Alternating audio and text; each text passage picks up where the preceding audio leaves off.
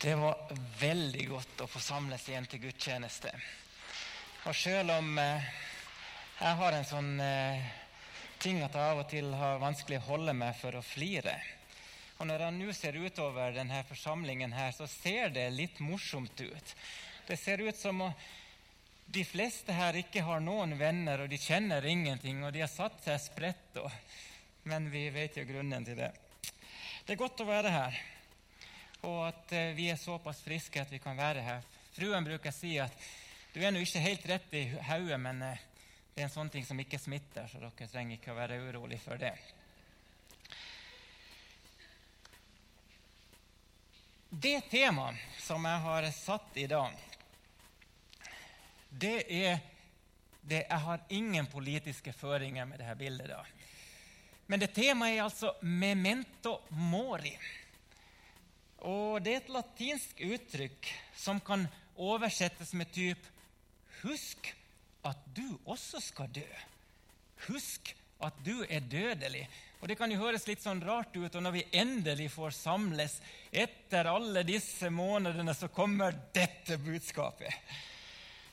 Og Det fortelles at dette uttrykket de kommer fra den tiden da Romerne farta rundt, og de var ute på krigstog og kjempa. Og så kom da den seiersherren tilbake etter et vellykka krigstog. Så kommer de med vognene, mottok folkets hyllest. Og så hadde da han hærføreren, eller generalen om du vil, når han sto der i vognene og vinka til folket, så hadde han en tjener som sto ved sida hans og hviska inn i øret hans. Memento mori. Memento mori. Og Det var for å minne ham på om at ja, nå har du lyktes, nå har det gått bra for deg. Men husk, du skal også dø en dag. Ikke bli høy på pæra. Memento mori. Og Grunnen til det temaet er at jeg tror at flere av oss hvis vi ser litt sånn globalt på det som herjer rundt omkring i verden gjennom denne pandemien, så har vi gjort oss noen tanker om døden. Og hvis vi ikke har tenkt på det før, så kanskje har det streifa en liten tanke rundt omkring at ja, døden det er noe som faktisk gjelder oss alle.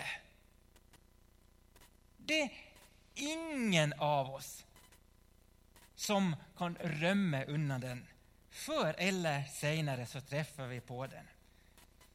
Og vi har heller ingen garanti for når det skjer. Jeg har tenkt å leve til jeg blir 100. For jeg syns det er kjempekult å kunne skrive sin alder med tretall. 100. Ja, men Så artig. De barna på SFO av noen grunn så bruker de spørre ofte 'Hvor gammel er du?' Og så sier jeg 'Ja, jeg er 45'. 'Å, jeg trodde du var som bestefar.' 'Ja vel, hvor gammel er bestefar, da?' 'Ja, han er 63'. Mm. 'Thank you, you just made my day.' Men uansett, det hadde vært mye mer kult å være da. Hvor gammel er bestefar? Han er 63. Ja, jeg er 100. Nei, men vi har ingen garanti om det blir når vi er 100, eller når vi er 45, eller når. Vi vet ikke. Og da er spørsmålet hva gjør det med oss, dette fakta, at vi alle en gang skal møte døden? Hva slags tanker gir det? Er det bare redsel, uro, usikkerhet?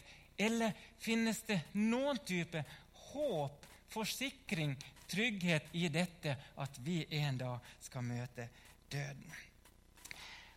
Og når vi nå i dag skal, skal se på sånne ulike vinklinger rundt dette temaet, og vi kommer å lese en god del bibelverser, og kanskje jeg kommer å bruke en del utsagn og uttrykk som gjør at du får tanker tanker. Kanskje det er noe som også kan sette seg fast i, som det er blant det. Det, det er noe spesielt som setter seg. Så har jeg bedt til Gud om at Gud skal få si til deg akkurat det som du trenger å få høre. Og så har jeg også bedt om at Gud skal hjelpe både meg å formidle det, men også deg å få se hele helheten i det som jeg ønsker å si. For det er jo et ganske alvorlig tema når en snakker om memento mori. Så om det er sånn at du etterpå sitter igjen med noen tanker spørsmål, så ikke vær redd for å ta kontakt med meg eller noen annen som du stoler på, og snakk om det som, som du sitter og lurer på. Jeg vokste opp i et hjem der disse karene her de ble spilt over anlegget. Nå var det så lyst her, så dere ikke får ikke se alt de gode frisyrene og de fine bartene. Men det her var jo da på 70-80-tallet. Samuelssons, hvis det er noen som har hørt om de. En svensk gruppe. Og det var det hardeste jeg fikk høre på til jeg oppdaget at det fantes noe som heter Petra på den tiden. Men de hadde sånne sanger som gikk på svensk da, Når du går over floden, går du ensam. Når du går over floden lämnas allt. Inga vänner följer dig, rikedomar räknar sig. När du går over floden lämnas allt. Ja, Det hørtes jo helt forferdelig ut. Og så er det jo litt sånt, da også. Og så hadde de òg Ja, du kan ingenting ta med deg dit du går. Og en annen var Om i morgen var den dagen da Jesus skulle komme tilbake. Skulle du da vilja leve i morgen som du lever i dag? Og alle disse sangene de vitner jo om at ifølge Bibelen, og ifølge som vi alle kan se, det er bare å ta en tur på kirkegården, så varer ikke livet her på jorden for evig. Og det har betydning hvilken måte vi lever livet her på jorden mens vi er her. Og der har jo Guds ord noe å si som vi ikke bare kan hoppe over i denne sammenhengen. Sjøl om vi kan kjenne at ok, det her var litt tungt, det her var litt tøft, det her river litt, det sliter både i tanker og følelser. Og jeg ber om, følg med hele veien, ikke dett av nå i begynnelse. Men vi kan lese i Åpenbaringen 20 til å starte der. Johannes' åpenbaring 20, vers 12-15.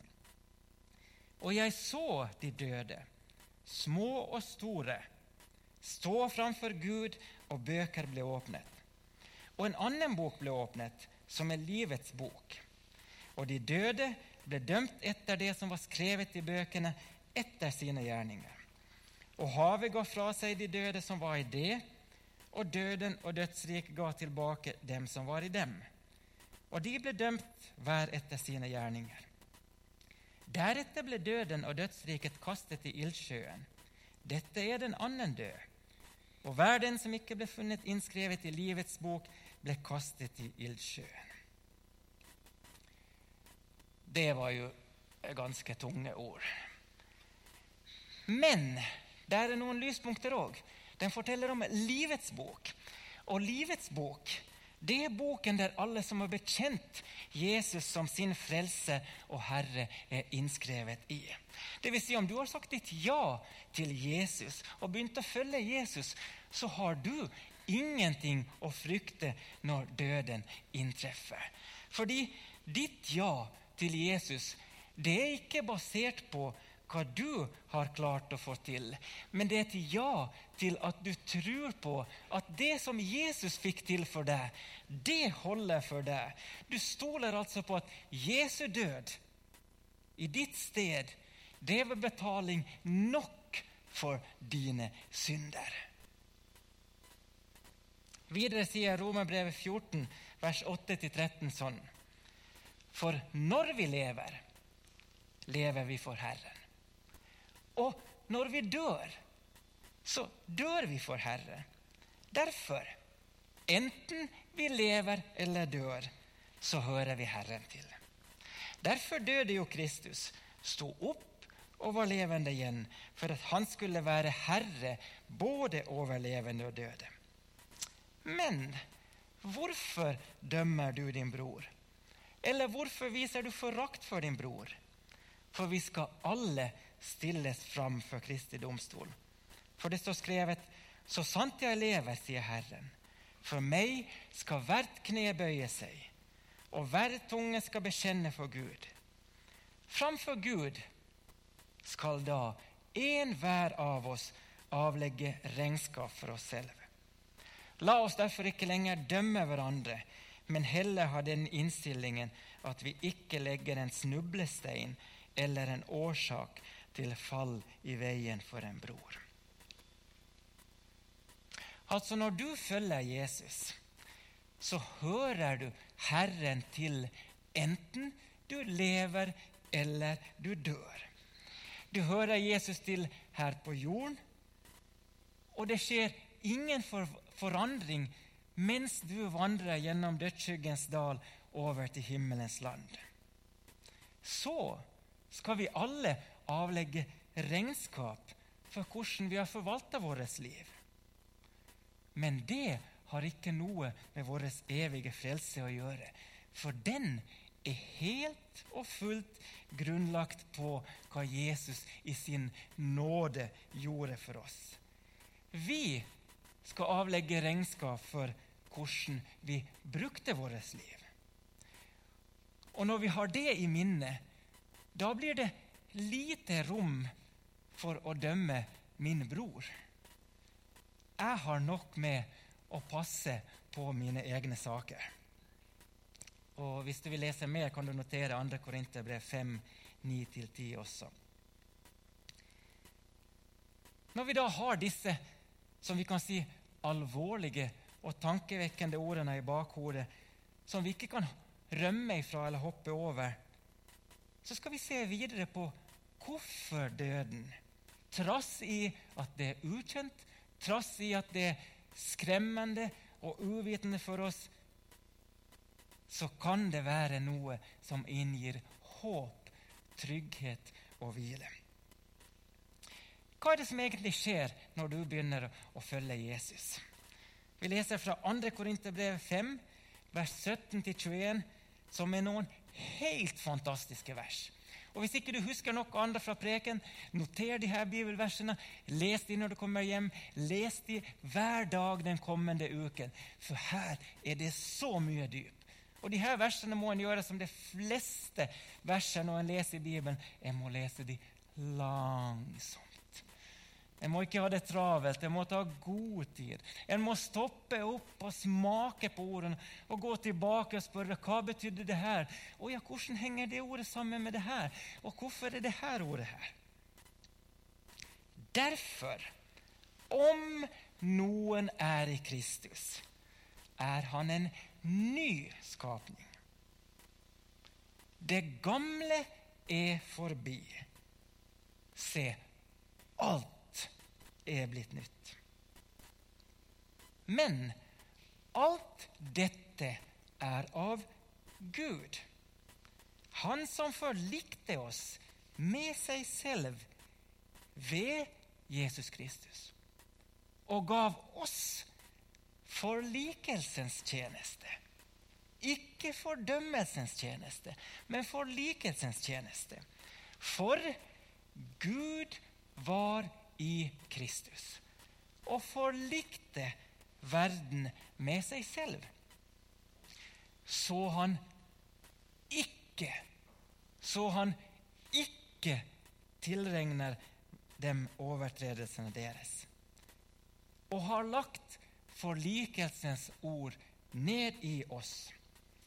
Så står vi da i sendetjeneste på Kristi vegne som om Gud selv inderlig formaner ved oss. Vi ber på Kristi vegne, la dere forlike med Gud. For ham som ikke kjente til synd, gjorde Gud til synd for oss, for at vi skulle få Guds rettferdighet i ham. Her er så utrolig mye å tygge på. Men Gud har altså ordna opp i alt som har med din og min og hele verdens frelse, sånn at han ikke tilregner dem overtredelsene deres. Men det betyr ikke automatisk at alle er frelst. Nei, vi må hver enkelt bekjenne og erkjenne vårt behov av Jesus og la oss forlike med Gud. En aktiv bekjennelse og en aktiv handling til å la Jesu verk på Golgata bli en virkelighet i vårt liv. Da aktiveres frelsen når vi bekjenner vår tro på Jesus og vi mottar Guds rettferdighet. Våre synder de har Jesus allerede gjort oppå på korset. Og Det er derfor som Paulus kan skrive i Romerbrevet 8,1.: Da er det ingen fordømmelse for den som er i Kristus Jesus, fordi han er en nyskapning som har fått Guds rettferdighet. Og da er det ingen fordømmelse. Og Johannes 3, 16, det er jo òg et vers, og de versene etterpå, som mange har lært seg utenat. Og Av og til har vi nesten konkurranse i å kunne sitere det fortest mulig. Og så får vi ikke med oss hva der står. Men der er òg verser å lese sakte og langsomt. For så har Gud elska verden, at han gav sin sønn den enbårne, for at hver den som tror på ham, ikke skal gå fortapt, men ha evig liv. For Gud sendte ikke sin sønn til verden for å dømme verden, men for at verden skulle bli frelst ved ham. Den som tror på ham, blir ikke dømt. Men den som ikke tror, er allerede dømt fordi han ikke har trodd på Guds enbårne sønns navn. Og denne grunnvollen for din og min tro, den er så solid at derfor kan Paulus skrive i Romerbrevet 8,38 at verken død eller liv kan skille oss fra Guds kjærlighet i Kristus Jesus. Om vi skulle dø i morgen, så kan ikke det skille oss fra Guds kjærlighet i Kristus Jesus til oss. Og For å understreke at vår frelse og vår situasjon etter døden ikke har noe å gjøre med våre prestasjoner, så gjentar Paulus i Galaterne 2,16.: Men fordi vi vet at et menneske ikke blir rettferdiggjort av lovgjerninger, men av tro på Jesus Kristus, så trodde også vi på Jesus Kristus for at vi skulle bli rettferdiggjort ved tro på Jesus Kristus, og ikke av lovgjerninger. For av lovgjerninger blir intet menneske rettferdiggjort. Og Så fortsetter han i kapittel 3, vers 26. Dere er alle Guds barn ved troen på Jesus Kristus. Det er altså din tro på Jesus som er det avgjørende, ikke ikke hva du presterer i livet, eller om du til bestandig klarer å leve rett og riktig. Derfor vil det avgjørende spørsmålet i dødsskyggens dal og foran Guds trone en gang være hva har du gjort med Jesus? Har du tatt imot ham som frelser i ditt liv?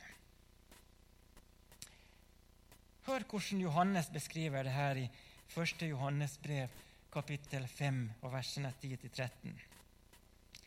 Den som tror på Guds sønn, altså på Jesus, har vitnesbyrde i seg selv. Den som ikke tror Gud, har gjort ham til en løgner, fordi han ikke har trodd det vitnesbyrdet som Gud har vitnet om sin sønn. Og dette er vitnesbyrdet. At Gud har gitt oss evig liv. Og dette livet er i Hans sønn. Den som har Sønnen, altså den som har Jesus, har livet. Den som ikke har Guds sønn, har ikke livet. Dette har jeg skrevet til dere som tror på Guds sønns navn, til dere som tror på Jesus, for at dere skal vite. For at dere skal vite at dere har evig liv. At dere har evig liv. Ikke skal få, men har evig liv. Og for at dere skal fortsette å tro på Guds sønns navn. Som en troende så har du allerede evig liv. Døden det er bare en overgang fra en dimensjon til en annen. Se for deg det her bildet mellom fastlandet og øya og tunnelen under havet. Nå kan jeg ta et sånt slikt bilde, for jeg har ikke noen spesielt sterke følelser eller meninger for hva som er bedre av øya eller fastlandet. For jeg bor på andre sida av, av, alt det her, på den beste sida. Nei, unnskyld, nå ble det feil igjen. Nei, men Se det her bildet. Fastlandet og, Troms, og Tromsøya. Si at du er i Tromsdalen. Og der er det jo fint å være. Der er det masse hyggelige folk. Du trives godt. Av og til kan det være litt kaldt og guffent, men det er helt i orden. Det er bra plass å være på. Og så en dag så kjører du ned tunnelen under havet. Og det går bare nedover. Og det føles skummelt, og det føles skremmende, den opplevelsen å være innestengt i den tunnelen. Men plutselig ser du noe som lysner, og så blir lyset lysere. Og når du kommer ut av tunnelen, merker du du har kommet til en mye bedre plass. En helt fantastisk plass. Å, jeg visste ikke at det var så bra på denne sida. Nå kan du snu bildet som du vil, da, hvordan det passer. Men tenk Tunnelen den var bare en overgang til noe bedre. Du har allerede evig liv, skrev Johannes. Døden er bare en overgang fra én dimensjon til en annen. Og det kan oppleves skremmende, ja, men du holder deg til veien som er Jesus Kristus, og plutselig er du framme i det herlige himmelske land. Og hvordan blir det? I Åpenbaringen 21, vers 4-5 sier han og Gud skal tørke bort hver tåre fra deres øyne. Og døden skal ikke være mer. Heller ikke sorg eller gråt eller smerte skal være mer. For de første ting er blitt borte. Så sa han som satt på tronen, se, jeg gjør alle ting nye. Og han sa til meg, skriv, for disse ord, de er sanne og troverdige. Ingen av oss vet om vi lever når Jesus kommer tilbake eller ikke. Vi må uansett være beredt, fordi vi vet aldri når vår tid her på jorden er over. Og når vi tar tunnelen fra Tromsdalen til Tromsøya, det vet vi ikke. Derfor oppfordres vi til å forvalte vårt liv på en god måte, samtidig som vi hviler i at troen på Jesus. Det som Jesus gjorde for oss, det bærer her i livet. Det bærer gjennom dødsskyggens dal, og det bærer helt hjem. Til slutt fra 1. Tessalonikerbrev, kapittel 4, og vers 16-18. Dette skal skje en gang. Kanskje vil noen av oss få oppleve det. For Herren selv skal med et rop, med en overengels røst og med Guds basun stige ned fra himmelen. Og de døde i Kristus skal stå opp først. Og deretter skal vi som lever og er igjen, bli rykket opp i skyer sammen med dem for å møte Herren i luften. Og så skal vi alltid være med Herren. Derfor skal dere trøste hverandre med disse ord. Memento mori. Amen.